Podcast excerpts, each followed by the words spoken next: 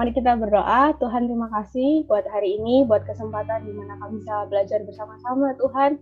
Biarlah apa pun yang disampaikan oleh Pastor Yeri, biarlah itu tertanam di setiap hati kami Tuhan dan benar-benar menjadi berkat buat sekitar kami Bapak. Apa pun yang Tuhan nanti mau bicarakan, berbicara Tuhan dalam hati kami Bapak, biarlah roh kudusmu bekerja Tuhan atas setiap kami dari awal hingga akhirnya Tuhan.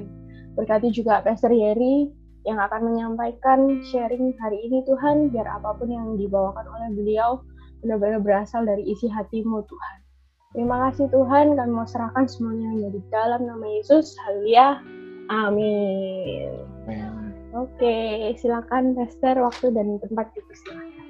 Oke, langsung aja ya saya. Oke, uh, selamat malam, shalom semuanya. Senang bisa ada di sini Nah, teman-teman, uh, ini semua di Surabaya berarti ya? Uh, berbagai daerah, ada yang dari Jakarta, ada yang oh, dari okay, Merauke, okay.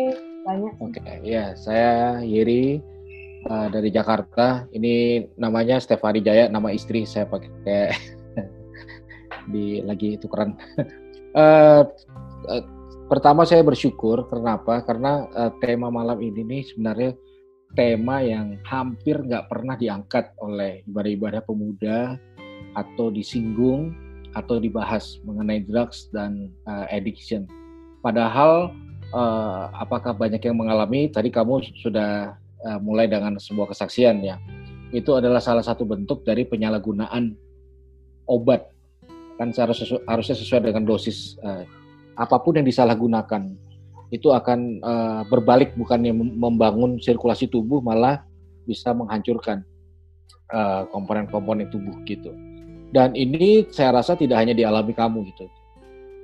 Kadang-kadang uh, kita nggak punya ruang untuk terbuka apa adanya. Makanya uh, drugs dan addiction tuh apa aja ya bisa pornografi, bisa seks, bisa bisa gila kerja, apa pun itu menjadi alternatif ketika ada hal yang nggak nggak bisa teratasi gitu.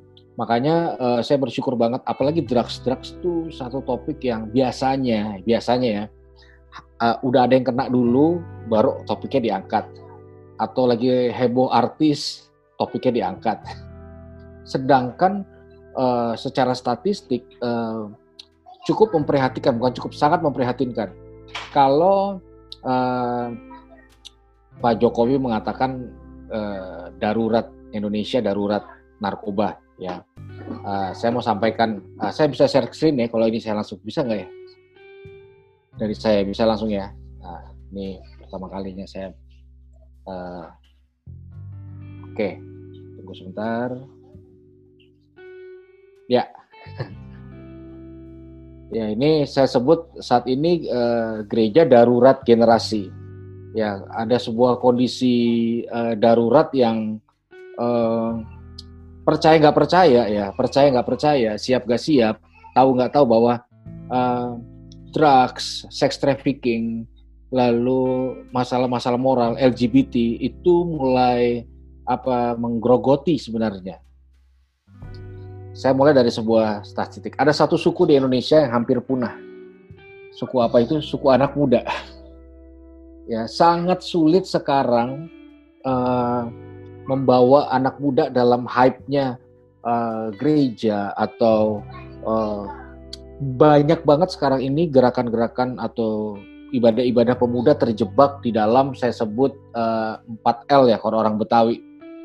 Apa itu? Lo lagi, lo lagi. Jadi kita bisa uh, uh, ada begitu banyak tempat yang misalnya nih ya ibadah ibadah raya bisa ribuan, tapi ibadah pemuda remaja cuma 20. Jadi di berbagai tempat, sekitar tiga tahun lalu saya keliling hampir ke 53 kota yang ada di Indonesia. Hampir semua punya keluhan yang sama. Gitu. Susah banget. Bahkan beberapa gereja memodifikasi uh, ibadahnya. Ada yang yang dari Sabtu pindahin hari Minggu, tetap sepi, pindahin lagi hari Sabtu sepi. Ada begitu banyak gereja yang berinvestasi bahkan sampai miliaran rupa, uh, miliaran rupiah untuk lighting, untuk alat musik, untuk ibadah yang keren dan tetap sepi. Bahkan kalau di Jakarta ini banyak ibadah-ibadah yang uh, undang artis setiap minggu, kasarnya gitulah. Gimana caranya mendorong anak muda ini udah funky, udah gaul, udah udah seru, udah keren, pembicaranya pun keren, tapi sangat sulit hari-hari ini uh, sebelum pandemik ya, apalagi semasa pandemik ini untuk uh, menggiring anak-anak untuk uh, anak-anak muda secara khusus untuk ada di gereja. Nah, dulu ya, dulu, dulu biasanya anak muda memiliki sebuah kebiasaan kalau nggak suka di satu gereja, ya dia pindah gereja lain. Pindah lagi di gereja lain. Nah kalau yang tinggal Jakarta, saya tinggal di Jakarta tuh di daerah Kelapa Gading, Jakarta Utara. Nah di Kelapa Gading sendiri ada sekitar 350 gereja di satu wilayah Kelapa Gading. Nah biasanya itu bergilir tuh. Nanti rame-rame ke sini, bosen rame-rame ke sini, kepahitan nanti rame-rame ke sini, nanti di situ bening-bening pindah, di situ programnya keren pindah. Di situ diantar jemput dikasih konsumsi. Di situ kursinya lebih empuk pindah. Pokoknya hijrah lah gitu. Tapi bebela, uh, dekade belakangan ini mereka tidak terlihat di mana-mana sulit sekali mereka sepertinya terhilang ternyata mereka nggak di rumah ternyata mereka nggak di sekolah juga ternyata mereka nggak di gereja juga nah yang saya sampaikan ini adalah hal yang saya uh, lakukan kurang lebih mungkin 15 tahun terakhir. Nah, saya pun uh, melihat hal yang sama. Ke mana anak-anak muda kebanyakan? Nah, ternyata ada hal-hal yang perlu kita pahami dari yang terjadi, fenomena-fenomena yang terjadi. Contoh, ya, 70 orang tuh meninggal karena narkoba tiap hari. Kita ngomong drugs dulu. Ya, Kenapa saya bilang 70% beragama Kristen? Karena sekarang beberapa pimpinan-pimpinan polisi atau BNN itu beragama Kristen yang jago-jagonya. Karena banyak banget sekarang anak-anak Tuhan yang terlibat. Gitu. Ini jadi sekarang tuh mereka nyangkut di masalah-masalah krisis. Awalnya dari kayak kamu tadi, kesaksian. Kebetulan tertolong dan stop. Beberapa lanjut lanjut ke drugsnya, mulai cari online, cari hubungan, mulai coba bir itu, mulai terlibat seks, eh, beberapa melakukan aborsi di usia muda. Jadi circle ini sangat kuat dan sangat real. Nah ini kawan saya namanya Albert. Ya, saya sudah minta izin sama keluarga dan beliau sebelum dia meninggal untuk menyampaikan kisahnya. Satu kali saya uh, berkunjung ke satu kos-kosan, ketemu Albert ini nih yang di layar seorang pemuda aktif di gereja, ya, pelayanan, orang tuanya juga anak Tuhan. Tiba-tiba karena satu masalah dia kena alat drugs. Sekitar 12-an tahun pakai drugs dan 7 tahun hidup dengan HIV AIDS. Ya, jadi tubuhnya kurus gini karena penyakit HIV AIDS. Udah eh, komplikasi, ada hepatitis C-nya, ada kena kelenjar getah beningnya, gagal ginjal, gagal jantung. Intinya saya ketemu dengan Albert ini mungkin beratnya cuma 30 sampai 40 kilo. Seorang diri, ini kondisi ya, seorang diri, nggak punya siapa-siapa, ya dia nggak bisa ngomong lancar karena dari ujung lidah sampai tenggorokan penuh dengan jamur. Jadi cara saya berkomunikasi adalah saya pegang tangannya, kalau dia berespon air matanya meleleh atau dia genggam tangan saya sekitar 20 sampai setengah jam saya coba ngobrol pelan-pelan, saya bawain dia makanan, lalu akhirnya saya doakan. Nah setelah saya doakan, saya keluar kos-kosannya saya berhenti. Lalu saya ber, berpikir dan merenung gini, Albert ini bukan cuma butuh uh, didoakan. Albert ini juga butuh ditolong. Betul nggak? Coba bayangin ya, kalau saya ketemu sama Albert, lalu saya bilang gini, Albert, Tuhan pasti berkati kamu, Tuhan pasti tolong kamu. Percayalah, ini tahun penuaian yang luar biasa. Nanti uh, malaikat Tuhan akan bawa kamu, akan tebus semua obat-obat kamu. Nanti kamu akan mengalami kemuliaannya yang dahsyat dan luar biasa. Dan terimalah janji Tuhan. Terus saya tinggalin. Gitu. Apa yang terjadi? Uh, Makanya situ saya gelisah, lalu saya uh, akhirnya saya memutuskan untuk ambil uang saya, lalu saya bawa ke rumah sakit. Ini rumah sakit Sulianti Saroso di Jakarta, rumah sakit khusus penyakit menular berbahaya. Nah, saya nyampaikan ini, ini case yang sangat banyak dialami anak-anak Tuhan hari-hari ini. Saudara, ketika saya bawa ke rumah sakit, saat itu ya, perawatnya aja nggak mau nolong. Jadi akhirnya saya gantiin pampersnya, saya bersihin kotorannya, saya yang bawa dia ke uh, urus laundrynya, urus infusnya, urus semuanya. Lalu saya mulai berpikir gini, siap gak ya kita anak-anak Tuhan ketika generasi sedang mengalami hal-hal yang berhubungan dan dengan masalah drugs ini. Waktu saya mendampingi Albert, saya nggak pernah diajari di kelas-kelas yang ada bagaimana caranya uh, mengurus orang seperti ini. Lalu saya urus dia sekitar dua mingguan, dua mingguan. Kemudian dia meninggal. Setelah dia meninggal, uh, saya pikir tugas saya sudah selesai. Tapi waktu itu bahkan pihak rumah sakit tidak mau memandikan karena kena HIV. Tidak ada yang mau ngurus. Jadi saya urus semua sama teman-teman tuh beliin jasnya, pakaian sepatunya, uh, terus sarung tangannya, terus semuanya sampai peti mati, sampai cari kubur, bahkan ke kuburan cuma mobil ambulans satu sama mobil saya. Nah, inilah kondisi drugs yang sedang terjadi hari-hari ini.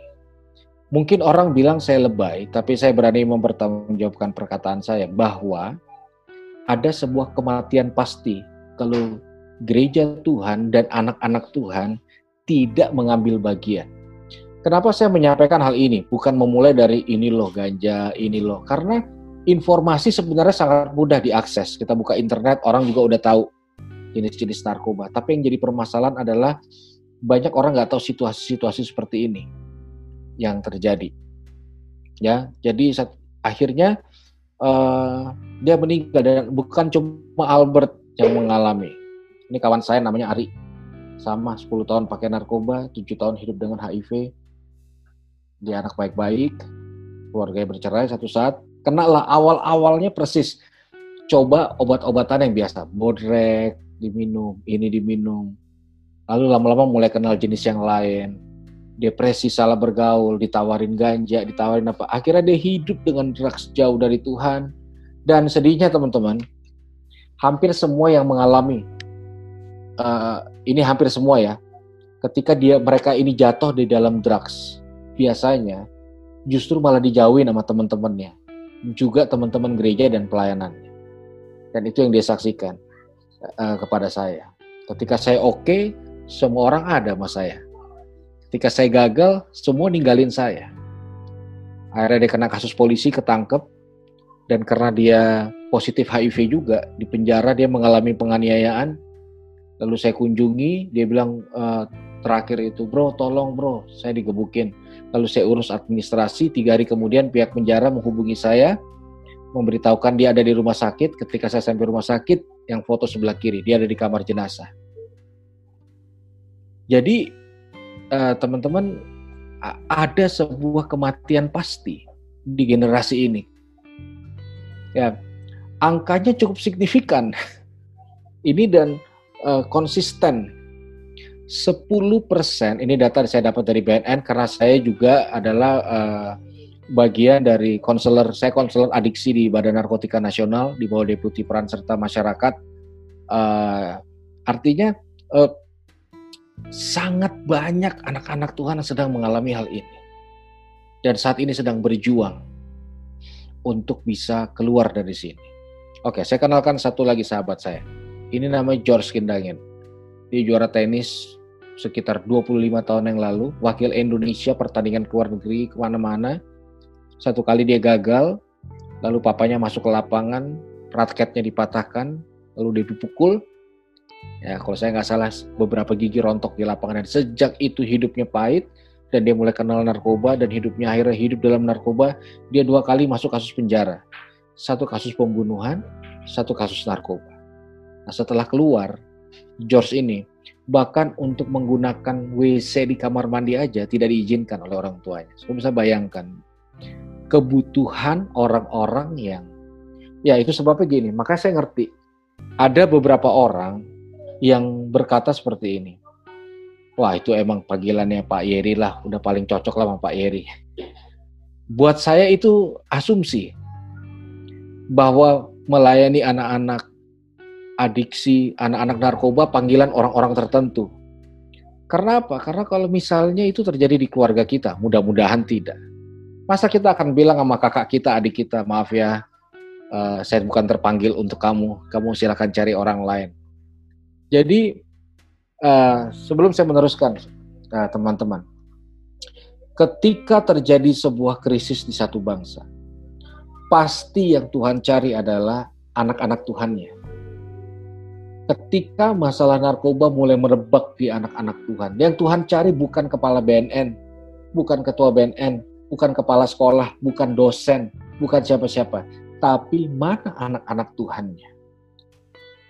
Akhirnya dia komplikasi George ini dan harus dirawat selama beberapa hari dan akhirnya dia pun meninggal. George, Ari, Albert bagian dari begitu banyak Saudara, per hari itu sampai angka 70 yang meninggal. Saya mau tanya, ngajak 70 orang baru datang ke gereja, susahnya minta ampun. Susahnya minta ampun. Tapi kita lihat anak-anak Tuhan berguguran tiap hari gara-gara hal ini. Nah itu sebabnya dalam kesempatan malam ini saya mau mengajak dan mengetuk pintu hati setiap kita bahwasanya ketika kita melihat pemaparan ini, uh, ya saya rasa kita semua terpanggil untuk menolong orang-orang seperti ini. Ini tetangga saya sama saudara. Ya satu kali uh, tugas keamanan memberitahukan, nah ini bukan ini nggak bukan orang tua banget, masih paruh baya, dua bulan tidak turun dari tempat tidur karena HIV dan drugs pas saya cek anak Tuhan. Ya sungguh apa ya mengerikan ketika hal ini terjadi. Akhirnya kita tolong sama-sama puji Tuhan yang ini uh, ketolong sehingga bisa di follow up dan akhirnya uh, bisa pulih. Gitu. Dan begitu banyak orang yang uh, mengalaminya. Nah sebuah pertanyaan. Menurut teman-teman sekarang mana yang lebih laku? Anak-anak muda, generasi muda, generasi milenial pada umumnya di Indonesia. Narkoba atau Alkitab? Kira-kira kira-kira ya kalau kita lihat circle teman-teman kampus, kuliah kantor kita, mana yang lebih menarik buat mereka? Narkoba? Nah, bayangin ya, narkoba itu 15 juta satu gram. Mahalnya minta ampun. Bawa dampak buruk semua, psikis. Makanya beberapa yang pakai narkoba di saat yang sama dia kena bipolar, kena depresi. Lalu bukan cuma itu, adiksinya kena, lalu fisiknya juga kena. Hepatitis C, HIV AIDS, gagal ginjal, gagal jantung. Jadi bawa dampak buruk dan narkoba nggak ada sekolahnya, nggak ada sekolah khusus kurir narkoba, tapi lakunya minta ampun. Gitu. Nah makanya saya percaya ketika kita ngomong soal drugs, sebenarnya kita sedang bicara soal krisis bangsa yang harusnya kita anak-anak Tuhan bukan hanya menonton dan melihat, tapi juga uh, mau melangkah dan mengambil bagian begitu. Makanya saya mengawali uh, materi saya dari dari hal ini. Nanti di bagian akhir saya akan jelaskan uh, betapa pentingnya kita punya Tuhan hari-hari ini. Ya, tapi kurang lebih gambarannya dari hati saya yang paling dalam. Teman-teman sangat sulit. Anak-anak muda sekarang lebih lebih gampang ditawarin. Dan saudara harus tahu, ada sekitar 200 jenis baru yang siap edar. Surabaya, Jawa Timur pada umumnya, ya pernah menempati nomor dua provinsi di Indonesia. Makanya ada satu tahun saya banyak menghabiskan waktu saya di Jawa Timur. Lumajang, Diri, Jombang, Surabaya. Ya, ada satu tempat namanya Kelaka. Ada yang tahu nggak? Di dekat Jombang, Kelaka. Nah, Kelaka itu kota kecil. Banyak orang uh, di Jawa Timur yang nggak tahu. Kelaka itu ditemukan menjadi satu kota di mana penghasil bahan mentah narkoba yang akan didistribusikan untuk seluruh Indonesia. Bayangin, betapa ancamannya itu. Itu kota kecil. Jombang. Makanya saya dapat kesempatan berbicara di Pondok Pesantren Tebu Ireng tahun 2018.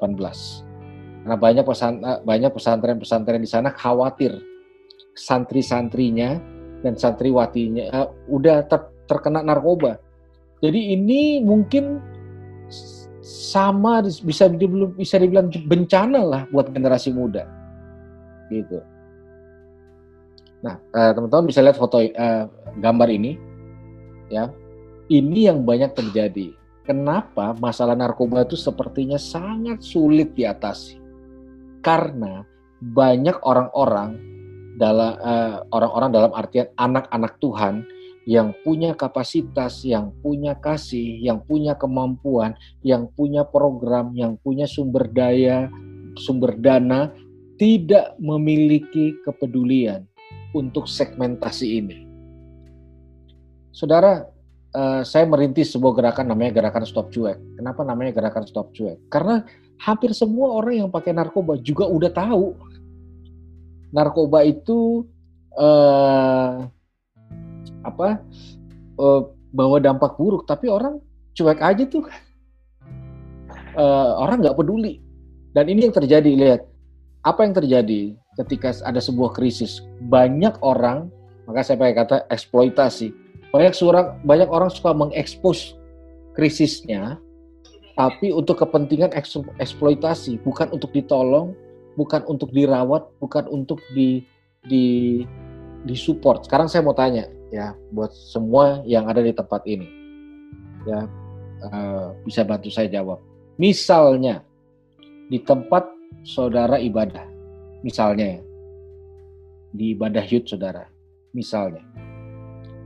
Ada yang hamil di luar nikah, ada yang kena HIV AIDS dan pakai narkoba, lalu ada yang gay atau lesbi.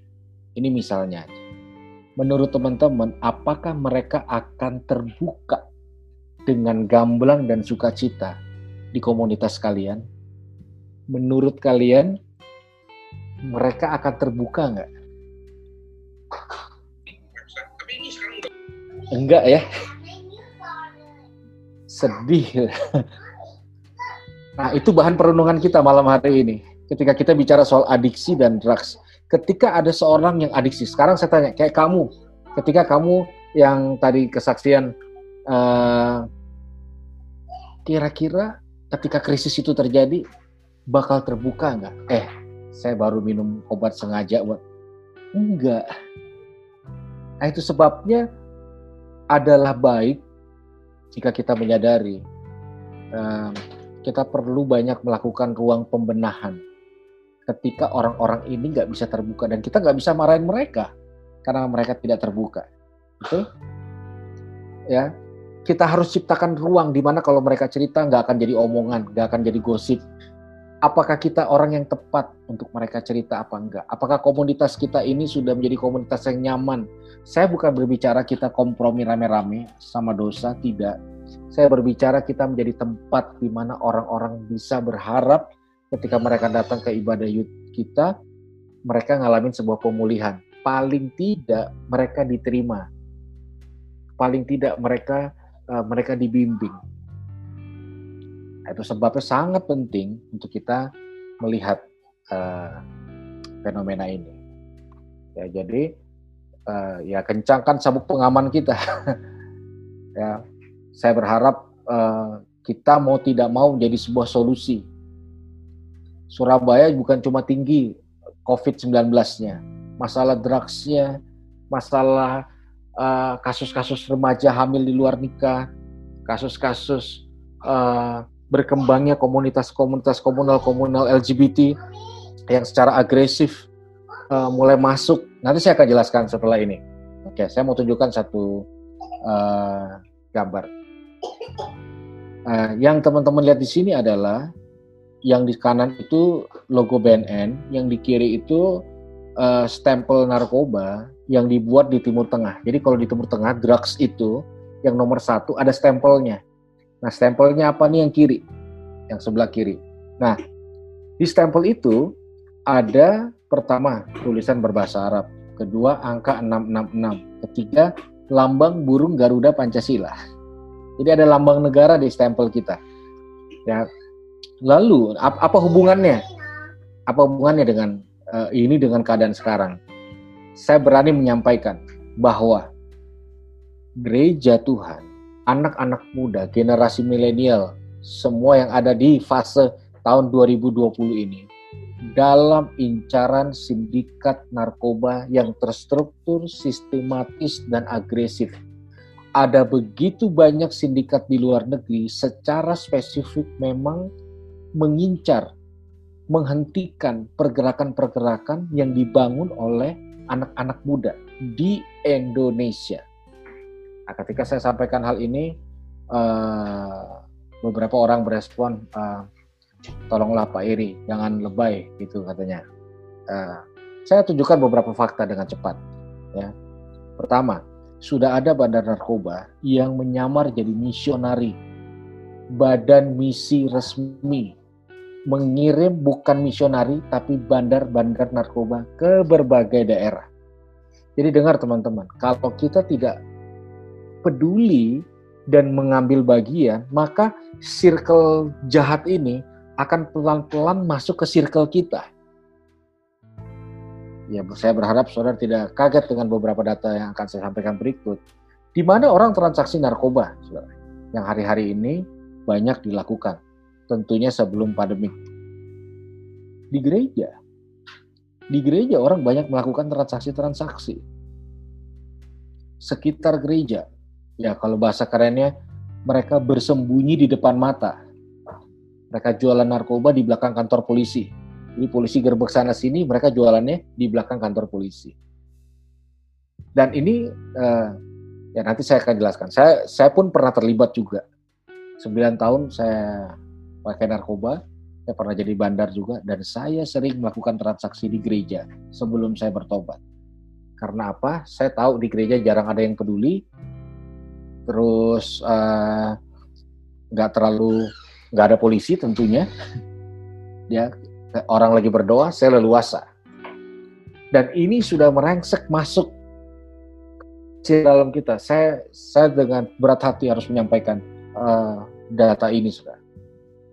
Sampai hari ini pun saya menangani paling tidak tiga pendeta yang terlibat dalam penyalahgunaan narkotika. Ya, saudara, satu kali saya ngobrol sama satu personil Sri Mulat. Hampir semua personil Sri Mulat tuh pakai narkoba. Lalu saya tanya, iseng, kenapa hampir semua personil itu pakai narkoba? Lalu jawabannya buat saya kaget. Ternyata banyak uh, personil Sri Mulat atau pelawak itu kesepian. Banyak artis kesepian. Ternyata banyak hamba Tuhan juga kesepian. Banyak pekerja di gereja juga kesepian harus tampil terus baik tanpa disadari tidak meng, tidak memiliki uh, sebuah bobot yang yang cukup dan ini fakta di Tarakan ini terjadi kasus pembunuhan di pastori gereja di mana uh, se seorang anak pendeta melakukan tindakan pemerkosaan dan pembunuhan di di, di pastori gereja dan uh, yang di yang dibunuh adalah salah satu jemaat yang ada saya berani mengidentifikasi ini karena pengaruh narkoba. Jadi udah begitu banyak hal yang terjadi tergulung di dalam uh, masalah ini. Belum masalah LGBT, ya. Saudara, saya saya tunjukkan satu orang ini. Ada yang pernah dengar atau pernah lihat orang ini? Ya, dia adalah seorang konseptor tentang LGBT.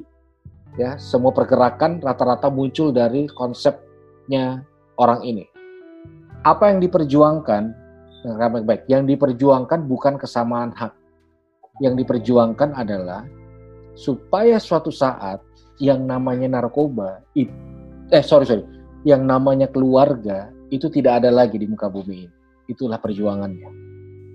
Jadi saudara bisa bayangin generasi hari ini sedang dikeroyok dari berbagai sisi. Belum industri pornografi, nanti ada Brother Aldo, Pasar Aldo, itu punya penjelasan yang sangat luar biasa. Dulu orang akses pornografi, sekarang bisnis pornografi yang akses orang. Jadi saudara bisa bayangkan generasi sekarang, milenial, dikeroyok dari semua sisi eh, supaya uh, benar-benar tuh apa ya jauh dari Tuhan, hidup jauh dari Tuhan. Itu, itu sebabnya sebuah pertanyaan penting malam hari ini. Saudara, kitakah yang mereka tunggu ketika kita bicara soal drugs dan kita bicara soal uh, addiction atau mereka harus tunggu orang lain. Selain informasi yang kita terima tentunya malam hari ini. Atau mungkin ini teriakan juga ya, dari isi hati Tuhan. Kitakah yang Tuhan tunggu? Atau Tuhan harus tunggu orang lain? Nah itu sebabnya saudara saya mengajak setiap kita mengetok pintu hati kita bahwa kita punya firman, kita punya solusi dari segala permasalahan yang ada. Oke, sekarang kita bicara soal addiction, saudara. Ya, uh, saya mau minta satu orang bisa bantu saya baca satu firman Tuhan. Siapa aja boleh yang tergerak malam hari ini di dalam kitab Yohanes 14 ayatnya yang ke-8. Yohanes 14 ayatnya yang ke-8. Siapa aja boleh bantu saya? Yohanes 14 hmm. ayat yang ke-8. Ya.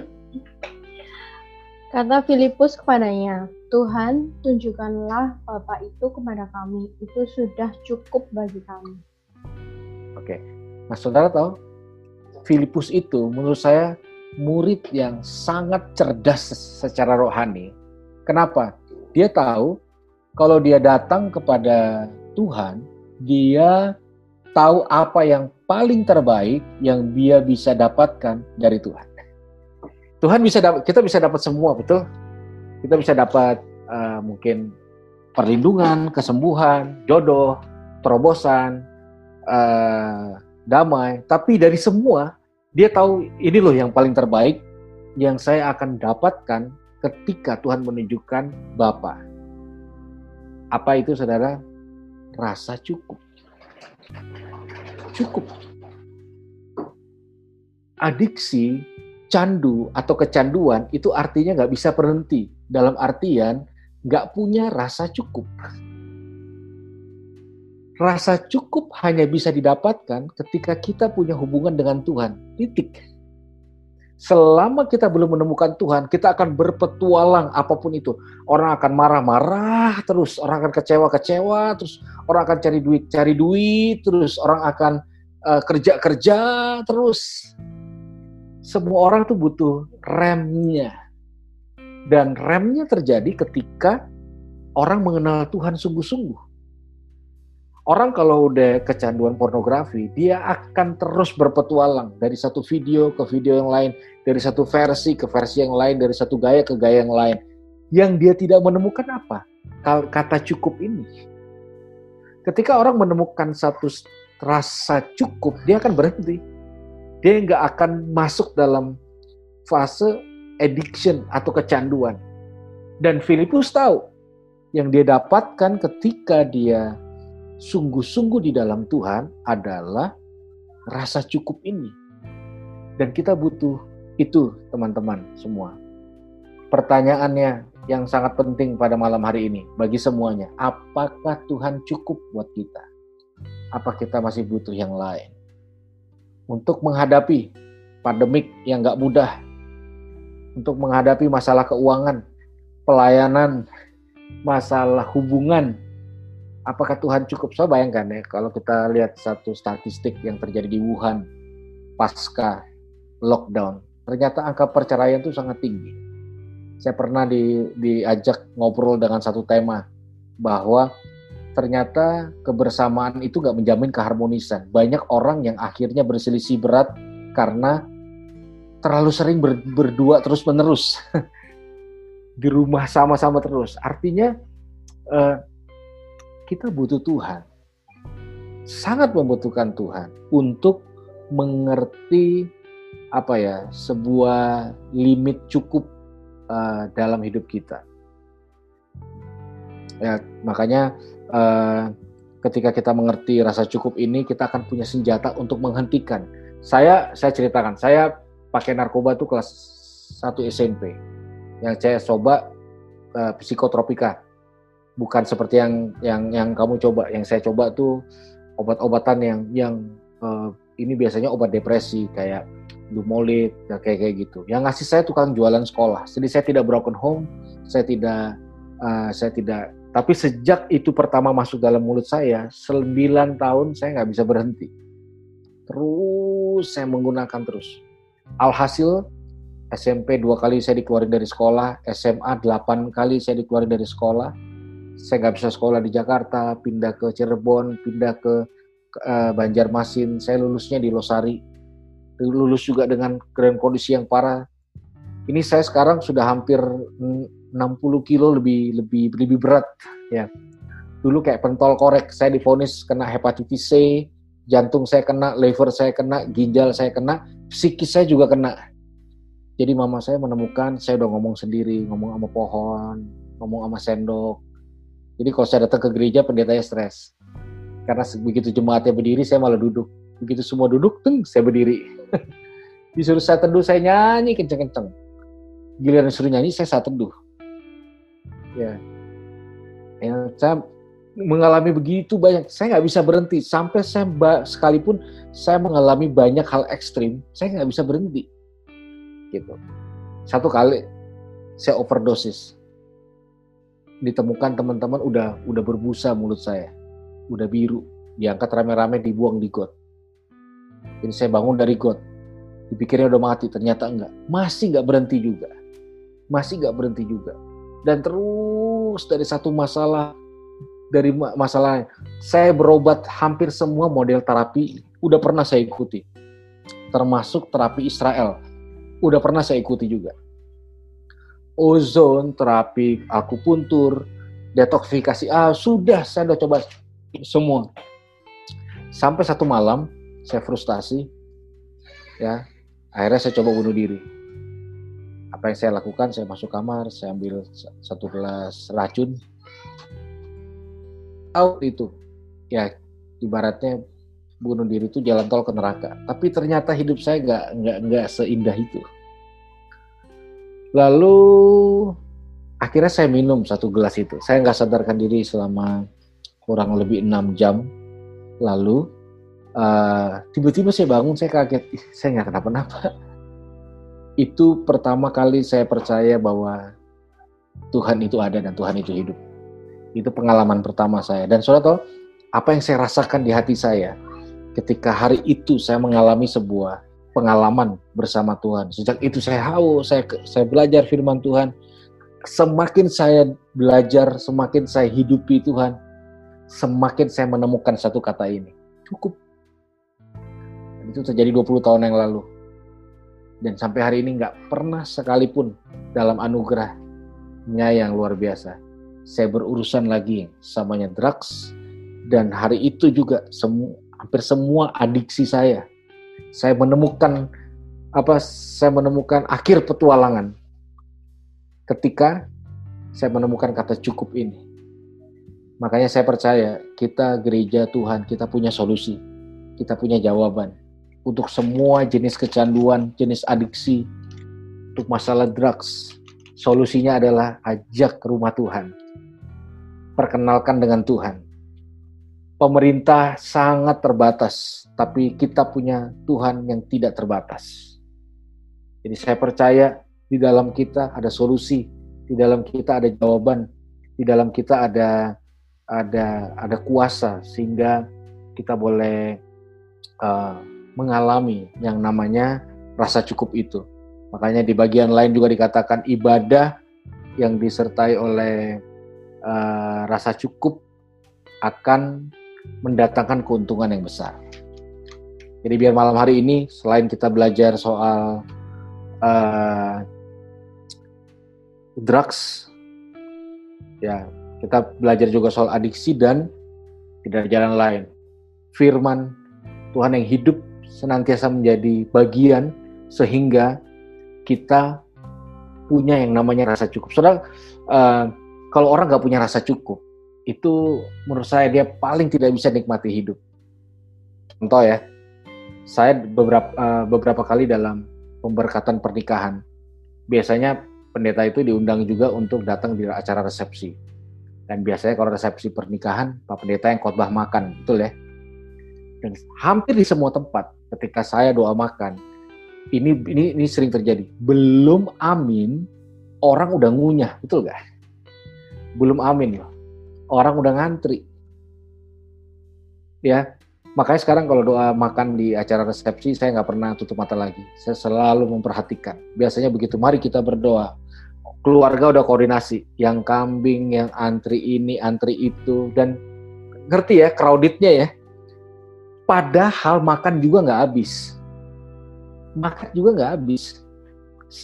Bahkan belum sampai makanan habis orang belum dapat semua udah ada yang berani ngeluarin kantong plastik sekarang bungkus bawa pulang maksud saya rasa kurang itu akan membuat kita akan takut orang berhasil duluan, takut orang ini duluan, takut nggak bahagia. Akan membuat kita nggak nyaman. Sama kalau kayak kita breakfast di hotel pagi-pagi. Kadang-kadang kita menemukan petualang-petualang kuliner yang ada di tempat breakfast hotel itu. Dari jam 7 sampai jam 10, semua bubur, eh, omelet, mie, semua. Terakhir ngeluarin tisu, bungkus roti, masukin tas satu lagi nih ya, saya bersaksi habis itu uh, saya, saya selesai sudah. Satu kali saya dapat kesempatan pimpin ibadah tur Holy Land ke Israel. Dan untuk pertama kalinya saat itu, tiba-tiba tiket saya nih di-upgrade sama penerbangan jadi kelas bisnis. Bayangin, domestik aja jarang saya naik bisnis. Ah, bukan jarang, nggak pernah. Tiba-tiba dapat bisnis. Itu kan rezeki anak soleh masuklah kami ke kelas bisnis. Ternyata nggak cuma saya, ada sekitar enam orang yang di-upgrade. Langsung kelihatan dong mana yang di-upgrade, mana yang enggak. Dari mana? Noraknya. Awal-awal saya juga lakukan hal sama. Hubungin istri, eh aku di-upgrade loh, ih ya oh, semua ngabarin. Kedua, kayak orang udik, ih bisa dimajuin kursinya, bisa dimundurin, oh iya TV-nya gini-gini, wow pokoknya heboh sepanjang perjalanan 9 jam makin kelihatan mana yang di-upgrade, mana yang enggak. Dari mana? Noraknya. Yang di-upgrade makan semua. Satu bapak bilang, Pak kita ini kelas bisnis, bisa pesen semua. Ma, wine, dessert, tambah lagi makan sampai perut sampai seorang bapak bilang eh udah mau mendarat nih pesen lagi pesen nah ini ya tiba-tiba saya melihat seorang bapak duduk di sebelah jendela, ini saya yakin tidak di-upgrade. Emang yang bayar bisnis ini. Jadi dia tenang, pesen teh satu cangkir, kue kering kecil satu, baca koran. Dalam hati saya, ini baru bener nih orang kelas bisnis begini nih. Bukan yang panik mesen terus. Terus saya berpikir, kenapa dia nggak pesen banyak? Dia bisa pesen banyak, tapi yang dia pesan cuma yang cukup aja buat dia. Itulah kelas bisnis. Kaya berlimpah, tapi seperti firman Tuhan, berikanlah pada hari ini makanan yang secukup. Jadi, itulah kelas bisnis. Bukan orang yang mungkin kayak saya di kelas bisnis, tapi kayak di kelas kambing gitu loh. Nah, di situ saya ngerti fix. Kita butuh Tuhan untuk rasa cukup. Nah, biarlah malam ini sama-sama kita belajar bahwa uh, pentingnya kita punya rasa cukup yang uh, berakar di dalam hati kita. Gitu. Jadi saya rasa itu dari saya sih. Oke, kita satu dalam doa ya. Tuhan terima kasih, kami bersyukur buat semua yang sudah Tuhan kerjakan taruh hatimu dalam hati kami, kami berdoa biar kami boleh menangkap isi hati Tuhan, anugerah bagi anugerahkan bagi kami kemampuan untuk berdiri di titik krisis bangsa. Anugerahkan bagi kami perlindunganmu yang sempurna sehingga kami boleh juga terjaga dari hal-hal yang tidak baik ya Tuhan. Kembali kami dedikasikan seluruh dan segenap hidup kami ke dalam tanganmu. Kami percaya yang terbaik menjadi bagian kami. Kami serahkan semuanya ke dalam tanganmu. Demi nama Yesus kami berdoa. Haleluya. Amin.